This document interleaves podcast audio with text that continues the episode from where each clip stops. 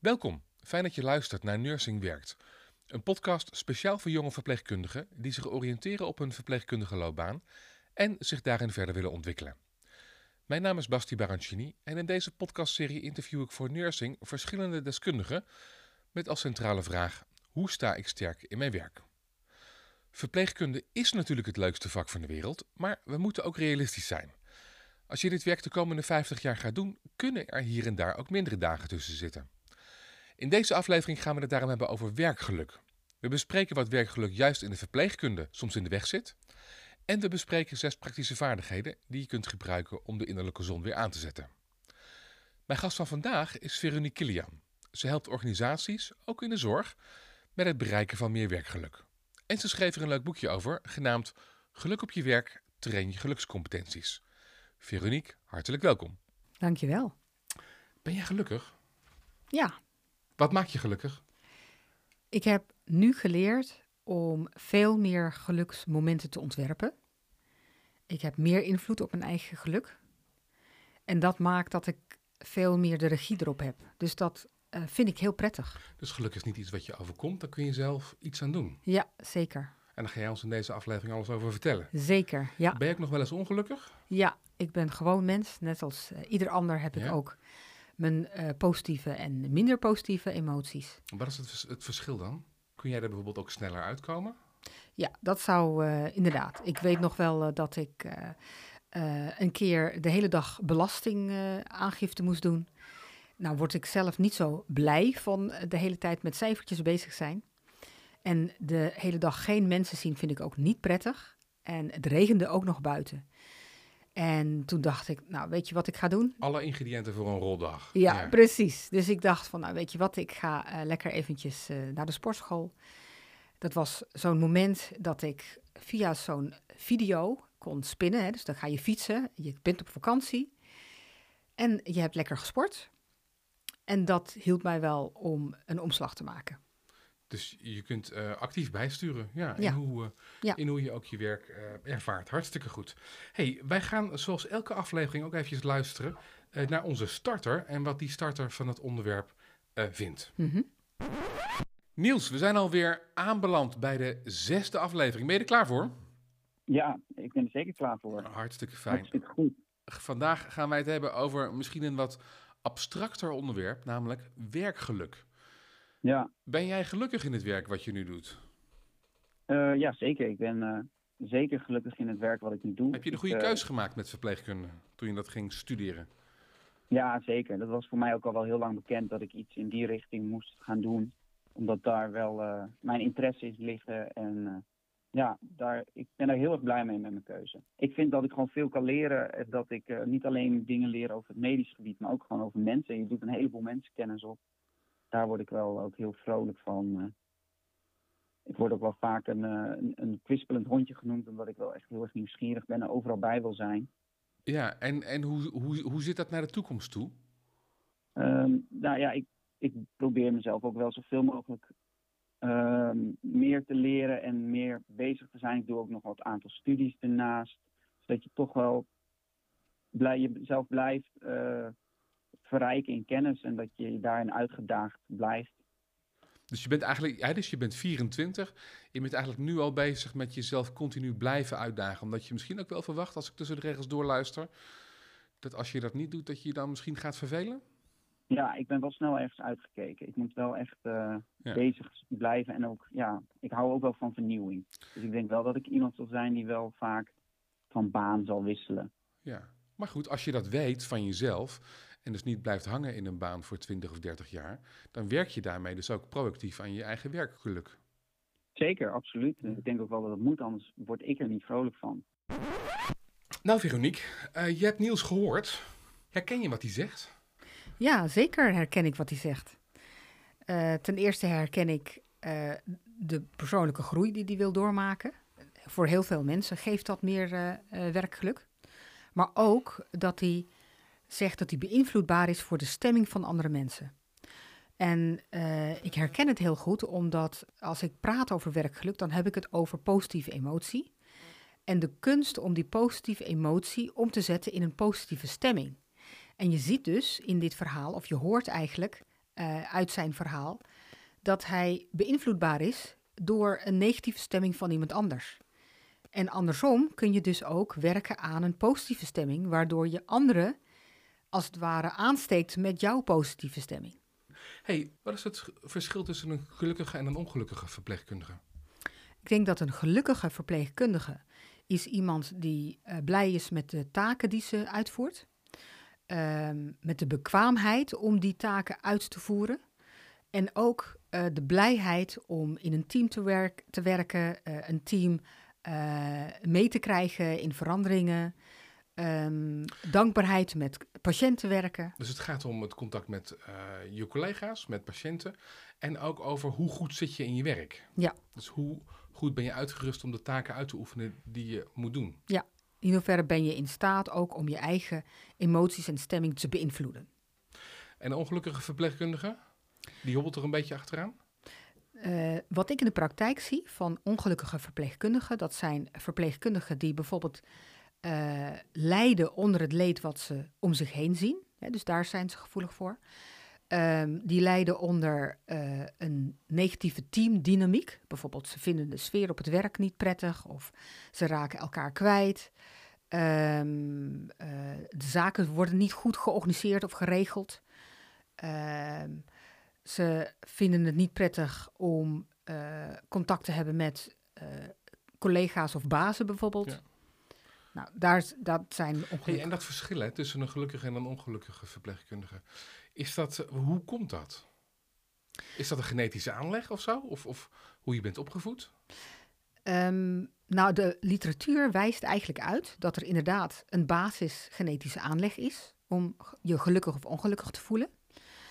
Uh, dus daar, je kunt er weinig aan doen dus dan? Ja, en aan dat gedeelte zeggen mensen dat, ze, dat je er weinig aan kan doen. Ik geloof er persoonlijk in dat je ook daarin kunt trainen. Hè. Als je maar voldoende gaat trainen, wordt het een zogenaamde celherinnering. Hè. Dan gaat het ook echt in je lijf zitten. Uh, er is een gedeelte waar je zelf regie op hebt. En uh, volgens de wetenschap is dat 40 tot 50 procent. En een gedeelte is omstandigheden. Het meest wat geciteerd wordt is 10% omstandigheden, 40 tot 50% dat je dezelfde regie op hebt en de rest is genen. 10% omstandigheden maar. Dus een rotbaas, dat draagt maar voor 10% bij aan mijn geluksgevoel. Ja. De, rest doe ik voor een deel gewoon zelf. Ja. Wauw. Ja. Dus dan is het wel degelijk heel erg relevant en nodig dat we het hierover hebben. Zeker. Jij geeft in je boek uh, uh, algemene cijfers over werkgeluk. Hoeveel mensen zijn er gelukkig op de werkvloer of ongelukkig?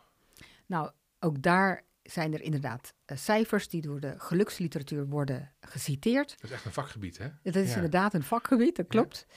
En de meesten hebben het dan over 13% die gelukkig zijn en de rest niet. Dat geloof ik niet. Nee, dat kan ik me voorstellen dat je dat niet gelooft. Omdat uh, ik, als ik lezingen geef, dan vraag ik ook aan het publiek van hoeveel procent denk je dat echt gelukkig is op het werk.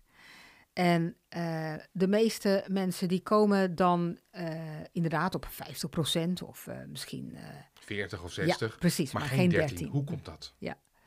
Nou, dat heeft er onder andere mee te maken dat we eigenlijk heel veel competenties leren op het werk, maar weinig competenties leren om gelukkig te zijn en dat te trainen. Een van de competenties die je veel leert op het werk is bijvoorbeeld stressbestendigheid. Dus hoe meer stress, hoe bestendiger je moet zijn tegen die stress. Maar je leert bijvoorbeeld wel stressbestendigheid, maar je leert geen ontspanningsvermogen op het werk. er zal niet iemand zijn die tegen jou zegt: Goh, jij kan zo goed ontspannen. Daar geef ik jou echt een excellent voor.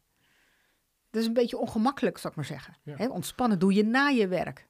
Nou ja, het gaat ook om, je wordt niet betaald op je werk om gelukkig te zijn. Ik kan me voorstellen dat er ook verpleegkundigen nu misschien zitten te luisteren. En die denken, joh, ik ben opgeleid om mensen te helpen, om mensen te wassen, om mensen medische handelingen bij te verrichten.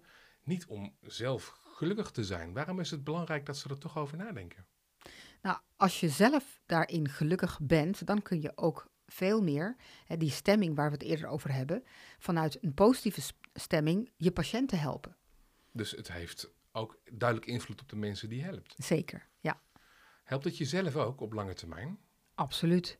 Hè, want op manier? stel je voor dat je niet gelukkig bent en je voert je taken uit, ja, dan uh, dat ga je gewoon op de lange duur niet volhouden. Wat gebeurt er dan? Nou, meestal krijg je dan dat mensen zich terugtrekken, eh, minder eh, eh, gaan delen van zichzelf, eh, dat de sfeer eh, vervelend wordt, of in ieder geval niet prettig. Hè? Dus eh, de meeste mensen zijn gevoelig voor sfeer op het werk. En je kunt ook meteen voelen als die sfeer er niet is. hey, en geluk is ook een tegengif tegen stress, toch? Zeker. Op wat voor manier? Hoe werkt dat? Als je stresshormonen krijgt door je lichaam, en Ja. die komen al vrij snel. Bij een vervelende gedachte, dan gaat het lichaam al stresshormonen aanmaken. Ja. En eh, die stresshormonen, die worden als het ware gedempt door gelukshormonen. Dus als je gelukshormonen gaat aanmaken, dan eh, gaat je zogenaamde higher brain aan. En je higher brain is dat gedeelte van je hersenen die jou helpen om meer mogelijkheden te zien, om creatiever te zijn, om eh, risico's te nemen die verantwoord zijn en daardoor je vaardigheden te verbeteren. Dus als je ervan uitgaat dat als je de arbeidsmarkt betreedt, dat je daar nog wel een jaartje of vijftig op zit, eh, op dit moment, dan is het dus heel erg relevant om hierover na te denken. Zeker. Wij hebben bij Nursing eens eventjes eh, online eh, op de socials gevraagd wat werkgeluk dempt. En daar kregen we een aantal reacties op. Een, ver- een vervelende afdelingscultuur werd genoemd, werd ingestuurd. Hiërarchie tussen artsen en verpleegkundigen. Je niet gezien voelen, niet jezelf kunnen zijn, het gevoel hebben te weinig invloed te hebben, hoe je je werk kunt indelen. hè. Dus dat is eigenlijk autonomie.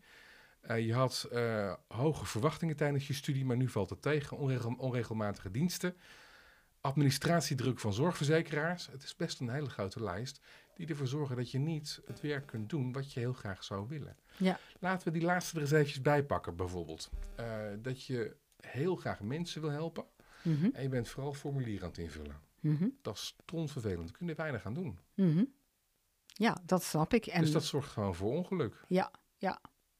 dat klopt. Ik denk dat die discussies zijn er, eh, zijn er tweeërlei eigenlijk. Hè?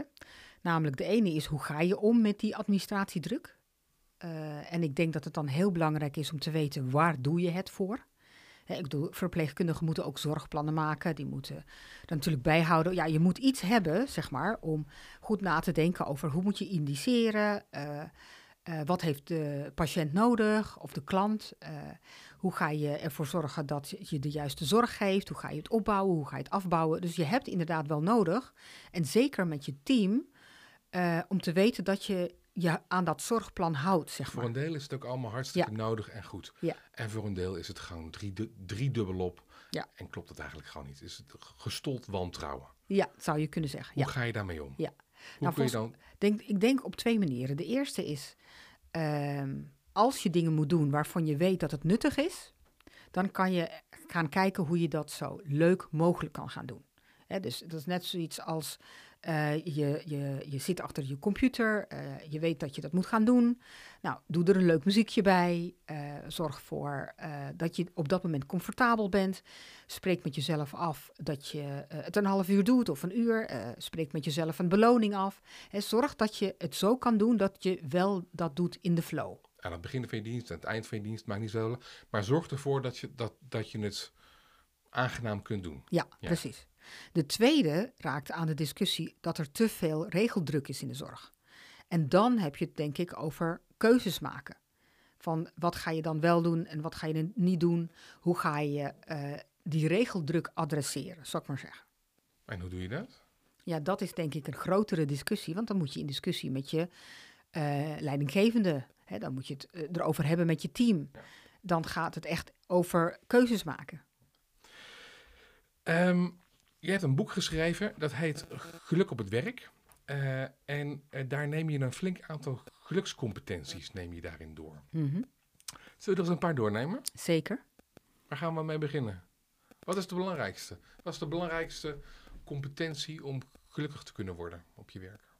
Nou, er zijn een aantal waar je gemakkelijker mee kan beginnen. Ja. En ik neem eh, een basis gelukscompetentie en dat is positiviteitsvaardigheid. En positiviteitsvaardigheid is belangrijk omdat als je kijkt naar hoe onze hersenen eh, werken, dat de hersenen de neiging hebben om te kijken naar wat er niet goed gaat, wat er niet leuk is, wat er allemaal nog beter kan. Hè, dat noemen ze de negativiteitsbias. Ja, Dus uh, als je bijvoorbeeld terugkijkt op een dag En van de tien dingen zijn er vijf positief. En vier neutraal en één negatief. Dan weet je die ene. Precies. De hersenen die geven eigenlijk de meeste aandacht aan dat ene negatieve. Dus als je weet dat die negativity bias zo sterk is, is het goed om jezelf te trainen in wat was er ook alweer wel leuk. En hoe doe je dat? Bijvoorbeeld door de zogenaamde positiviteitsratio. En dat betekent dat ten opzichte van één negatief ding, je drie positieve dingen of vijf positieve dingen weer in je bewustzijn gaat brengen. Je weer gaat herinneren. Herinneren wat was nou ook alweer wel er en wat was ook alweer wel leuk. En, eh, bijvoorbeeld in een dagboekje of zo. Dat kan in een dagboekje, want schrijven helpt de hersenen ook om te ontdekken. Maar het kan ook gewoon hardop benoemen voor jezelf op dat moment. Dus train jezelf om meer positieve dingen eh, te herkennen Ja. en te onthouden. Ja, En daarmee En- ga je ook je hersenen op een bepaalde manier, daar ga je paadjes in aanleggen. ja, dat klopt. Er is nog een ander belangrijk ding. Ja? Want ik heb het in het begin gehad over positieve emotie. Ja. Hè, dus eh, wat ik vertel is het zogenaamde Feel, Fly, Flourish model. En uit de geluksliteratuur blijkt dat het erom gaat dat je positieve emotie kan oproepen. Dus hoe kan je nou gemakkelijk bij die positieve emotie komen? En dat is een belangrijk onderdeel van die positiviteitsvaardigheid. Dat je iets kan doen waardoor je die positieve emotie bij jezelf kan oproepen. En eh, kun je daar een voorbeeld van geven? Nou, je kan bijvoorbeeld jezelf afleiden en even iets anders gaan doen, waardoor je weer bij die positieve emotie kan komen. Ja. Je kan eh, denken, goh, ik heb net iets rottigs meegemaakt. Ik heb behoefte aan een goed gesprek met een collega. Dat kan ook positieve emotie geven. Troost, hè, dat gevoel kan ook positief zijn. Ehm, het kan zijn dat je denkt, oké, nou ga ik eh, iets doen om het aan te pakken. Hè, dus dat, eh, dat kan je ook helpen. Dus het gaat er niet alleen maar om dat je positieve dingen tegen jezelf zegt, maar dat je ook jezelf daarin helpt van, oh ja, dit helpt mij om eh, regie te hebben over mijn gemoedstoestand. Dat zal in het begin misschien wat ongemakkelijk zijn, maar ik kan me voorstellen dat het na één of twee weken ook wel eh wendt. Ja en nee, want je, het is belangrijk om jezelf te blijven trainen. Ik heb het bijvoorbeeld in een team gedaan eh, waarbij ze schaalvragen gingen eh, maken voor zichzelf. En een schaalvraag betekent, we hebben het begin gehad over dat een teamgevoel belangrijk is voor je eigen werkgeluk. En ik vroeg ze, nou als tien het beste is wat je mee kan maken in je team, en één is dat je denkt, nou ik kom hier alleen maar nog voor mijn salaris, waar zit je dan? En geef jezelf een bepaald cijfer, geef het team een cijfer. Maar als je bijvoorbeeld een 6 geeft, noem dan ook wel de positieve punten die bij die 6 hoort. En de teamleden die gingen aan de slag en een van de teamleden die zei, ja, ik schrijf nu zoveel positieve punten op, waar ik me eerst niet van bewust was. Dus ik had eigenlijk een 5 gegeven, toen werd het een 6 en toen werd het een 7. En toen realiseerde ik me, we hebben eigenlijk al zoveel gedaan. Het is veel meer dan een 6. Nou, dat is ook een manier hè, om bewust te zijn van wat is er wel, in plaats van wat is er niet. Eh, dit is ook een beetje je eigen hersenen misschien tot de orde roepen. Nou, in zekere zin help je je hersenen, dat klopt. Goed, wat helpt nog meer? Betekenisgeving is Ja. een andere eh, eh, gelukscompetentie. Ja. En eh, betekenisgeving gaat erover dat jij op dat moment een betekenisvolle ander bent voor iemand anders. En de betekenisvolle ander is een hele mooie positie. Zeker als je verpleegkundige bent. Hè, want je, in principe wil je van betekenis zijn voor je patiënten. Ja. Betekenisvolle ander kan ook zijn dat je dat bent als mentor.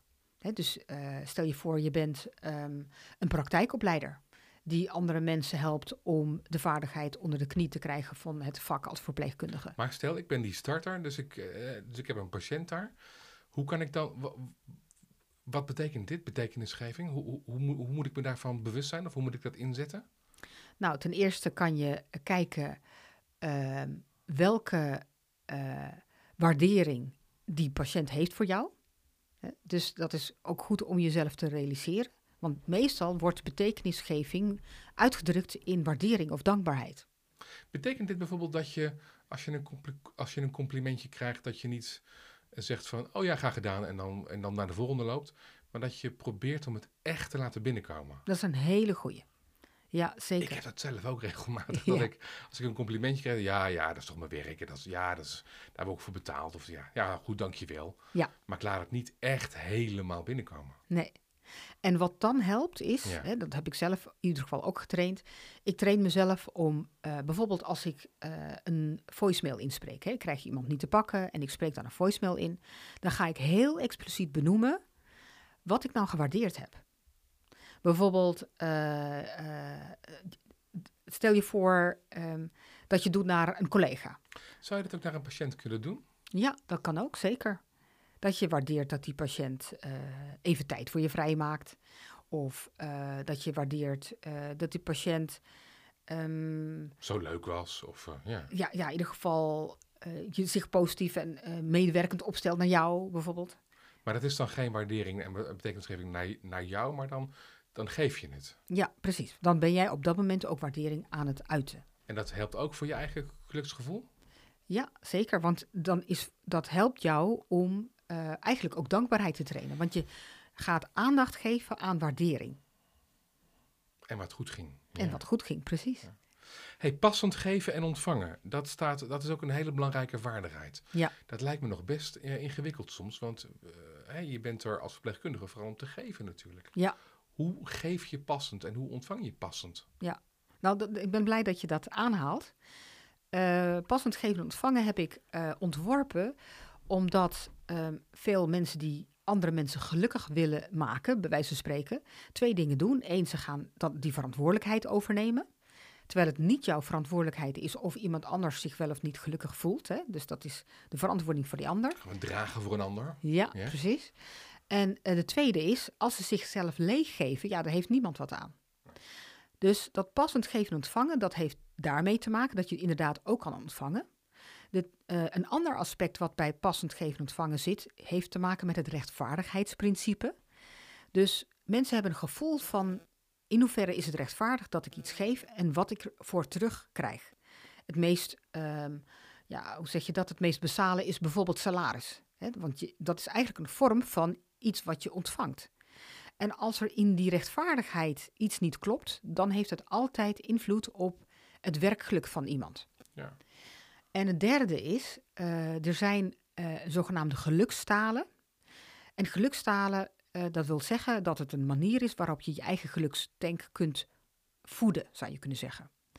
De een wordt gelukkiger van woorden, dat wil zeggen complimenten. En de ander wordt gelukkiger van bijvoorbeeld een service, dat iemand iets voor je doet. Dus het kan zijn dat ik tegen jou zeg van, goh, nou, eh, dat heb je goed gedaan. En dat je denkt, nou, dat is, eh, dankjewel, hè, maar dat doet je eigenlijk niks. Maar ik kan ook bijvoorbeeld iets voor jou doen, een service, en dat je dat veel meer waardeert of dat dat binnenkomt. Twee dingen wil ik er met je uithalen als je dat oké vindt. Je zei net, eh, je moet jezelf niet leeggeven. Hoe doe je dat? Nou, dat heeft heel erg te maken met grenzen. Dus wanneer geef ik nog vanuit mijn hart? Wanneer moet ik nu even pas op de plaats doen? Wanneer moet ik nu even pauze nemen of eh, iets voor mezelf doen, bijvoorbeeld? Of eh, stoppen met de hele tijd geven. Ja. Hè, dus al was het maar eh, je uitspreken van ik heb nu even iets voor mezelf Maar nodig. als je op een knijterdrukke afdeling staat, waar je ook nog sprake is van onderbezetting. Ja. Eh, ga maar eens grenzen aangeven. Dat zal je niet in dank worden afgenomen. Nee, daarom is het ook heel goed als je dat als team gaat doen. Dat het bijvoorbeeld een onderwerp wordt op een teamoverleg. Hoe gaan wij hier eigenlijk om met grenzen? Want als jij jezelf leegwerkt en ik en jij en jij en jij ook, dan hebben we allemaal een probleem. Precies. Dus Ja. zou je eigenlijk die energiebalans een onderwerp moeten maken van bijvoorbeeld een teamoverleg. Ja. Wat, wat ik ook in de praktijk terugzie, is dat eh, verpleegkundigen die eh, zijn soms heel erg tijdgebonden. Hè? Hoeveel tijd mag je besteden aan een cliënt of een patiënt? En eh, ehm, ik heb laatst meegemaakt dat verpleegkundigen een paar minuten meer per patiënt hadden verdeeld, zodat ze net meer tijd hadden voor dat ene praatje. Omdat die sociale interactie belangrijk is voor de meesten, voor hun eigen werkgeluk, maar ook voor de patiënt. Tweede wat ik met, nog, met, nog, nog, waar ik nog aan bleef hangen was ehm, het salaris. Daar krijg je natuurlijk, daar heb je niet altijd evenveel invloed op. En die waardering is niet, heel, is niet wat het zou moeten zijn. Nee. Dat betekent dus dat je op andere manieren gaat kijken naar dat rechtvaardigheidsbeginsel. Ja, de balans tussen geven en nemen. Ja, En hoe doe je dat dan? nou, de, vaak worden er extraatjes gegeven. Hè? eh, eh, extra bedankjes, ehm, extra waardering. Ehm, eh, ik ken ehm, verpleegkundigen die hebben een soort van potje met elkaar opgebouwd. Eh, dat je echt zorgzaam naar elkaar omkijkt. Dus je gaat op andere manieren ga je aandacht geven, zou je kunnen zeggen. Verrassingsvaardigheid, die viel me ook op in dit boek wat je, had, eh, wat je geschreven hebt. Wat is dat? Dan gaat het over ehm, het verzinnen en bedenken van een positieve verrassing voor de ander. In ieder geval bij mij werkt het zo, en ik eh, zie dat ook terug bij anderen. Op het moment dat je bezig bent met een positieve verrassing, dan heb je eigenlijk al veel voorpret. Dus het bedenken ervan, eh, met zorg een cadeautje inpakken, bijvoorbeeld, als dat eh, tot je verrassing zou behoren. Het afspreken met andere mensen. ehm, dus een positieve verrassing, dat draagt bij tot positieve emotie. Ja, en dat kan eh, dus jouw positieve gemoedstoestand beïnvloeden. Het eerste wat ik dan zou denken is, ja, dat kost me dus ook op zijn afdeling extra energie. Want je moet daar extra tijd in, in steken. Maar het rendement is dus hoog. Ik heb eh, een oefening gedaan in de zorg en dat noemde ik, dat was een, een overbruggingsoefening. Overbruggingsoefening omdat zij een teamtraject kreeg van mij. En overbruggingsoefening van, laten we zeggen, juni tot met september. Hè? Dus de zomervakantie gingen ze overbruggen. Toen hebben ze met elkaar loodjes getrokken. En ehm, ik noemde deze oefening de onzichtbare engel. Want eh, de ander mocht namelijk niet weten dat jij die ander getrokken had. En we hadden van tevoren hadden we geïnventariseerd waar loop je nou warm voor. Dus eh, is het die woorden, is het die service, is het cadeautjes, is het kwaliteitstijd, is het eh, de warme sfeer op de afdeling. En omdat het zo persoonlijk is, kun je daar een soort volgorde in aanbrengen. Dus voor de een is woorden belangrijk, die staat in, op nummer 1. En voor de ander is service belangrijk en is dat nummer 1. Nou, dat, en wat moesten ze doen? en wat ze moesten doen is die ander, zeg maar, verrassen. Zonder dat die ander doorhad dat jij degene verraste. Een soort van wie is de mol, maar dan... Ja, Ja, precies. En het bijzondere was in deze eh, afdeling waren twee mensen en die hadden elkaar getrokken. En die kwamen allebei iets eerder naar het werk om een kopje koffie te zetten voor die ander. En dan kwam die ander die dacht, oh jee, eh, die ziet dat ik koffie aan het zetten ben. Die ging toen weg, terwijl die ene ook koffie aan het zetten was. Dus heel grappig dat ze zich zo op elkaar hadden gericht. Dat was, ja, ik kan zelf ook niet beïnvloeden wie, wie krijgt, want hè, zij trekken elkaar slootjes. Maar eh, ik heb dit vaker gedaan hè, in zorgafdelingen. En eh, het effect is wel altijd heel positief. Wauw, wat een mooie manier zeg. hey, spelen, dat is de laatste waar ik het met je over wil hebben. Mhm. Spelen. Ja. Spelen gaat over eh, de levensenergie weer losmaken. Ja. We hebben eigenlijk, soms zitten we zo vast aan regels, dat we meer bezig zijn om regels te doen en het Hmm. goed te doen, in plaats van dat we ons vrij voelen om gewoon te Los experimenteren. Ja. Maar, en hoe, eh, hoe doe je dat dan? Spelen? Nou, ik heb een afdeling begeleid eh, waar eh, het spelen veel meer belangrijker werd, zeg maar. En dat deed ik door dat we eerst een rondje deden. Eh, en in dat rondje gingen we delen, wat heb ik goed gedaan? Hè? Dus dat je trots kan zijn op jezelf. En vervolgens te vertellen, wat heb ik nou geleerd? Wat heb ik nieuw gedaan? Wat heb ik geëxperimenteerd? En wat heb ik daarvan geleerd? En heb ik een fout gemaakt? En hoe heb ik dat opgelost? Dus dan krijg je veel meer dat energie kan los, kan stromen. Hè? Dus dat je durft om fouten te maken, dat je durft eh, om risico's te nemen. En in dit geval ging het om een, een team waarbij eh, de verpleegkundigen dachten, ja, ik doe alles. En de rest die stuurt het allemaal naar mij toe. Hè? Dus die, die hadden het over van, nou, er wordt allemaal over de schutting gegooid. Maar als je dus een team leert spelen, dat ze dus meer risico durven te nemen, meer eigen acties durven eh, op te pakken. Heb je hiervoor je leidinggevende nodig? Of kun je dit ook in je eentje doen? In dit geval ging het over eh, het uitvoeren van het zorgplan. Dus dat, daar begrijp, was, dat begrijp ik. Maar, Ja. maar, zou, maar zou je dat ook in je eentje kunnen doen? Dat je in je eentje gewoon meer gaat spelen? ja, oh zeker. Hoe doe je dat? Als je in je eentje meer wil spelen, dan eh, geef je jezelf als het ware toestemming om meer in de flow te komen en ehm, dingen te doen die je spelenderwijs gaat doen, zonder dat je jezelf daarvoor op je kop geeft. Ik heb ooit gewerkt in een, in een verpleeghuis en ik ging s'morgens uh, idiote enquêtes met mensen afnemen. Kijk. Dat was ontzettend leuk. Mensen die raakten soms een beetje die raakten in de war of die werden heel erg vrolijk. Dat is een ontzettend leuke manier om de, om de dag te beginnen. Ja, dat is een hele leuke manier, inderdaad. En ik had voorpret, want ik moest, uh, toen ik s morgens om zes uur op de fiets zat, moest ik weer een nieuwe enquête bedenken. Uh, dus het, het, hielp mij ook echt om er op een leuke manier in te zitten. Ja, nou, dat is een uitstekende manier om inderdaad spelen toe te passen. Veronique, ik wil je heel erg hartelijk bedanken uh, voor het delen van jouw kennis in deze podcast. Heel erg fijn, dankjewel. Graag gedaan. En tegen jou als luisteraar zeg ik, dankjewel voor het luisteren naar deze aflevering uit de podcastserie Nursing Werkt. Wil je meer afleveringen horen? Abonneer je dan op deze podcast in je favoriete podcast-app of kijk op nursing.nl slash podcast. Nursing heeft verpleegkundigen nog veel meer te bieden. Ga voor nieuws, verdiepende vakinformatie en congressen naar nursing.nl.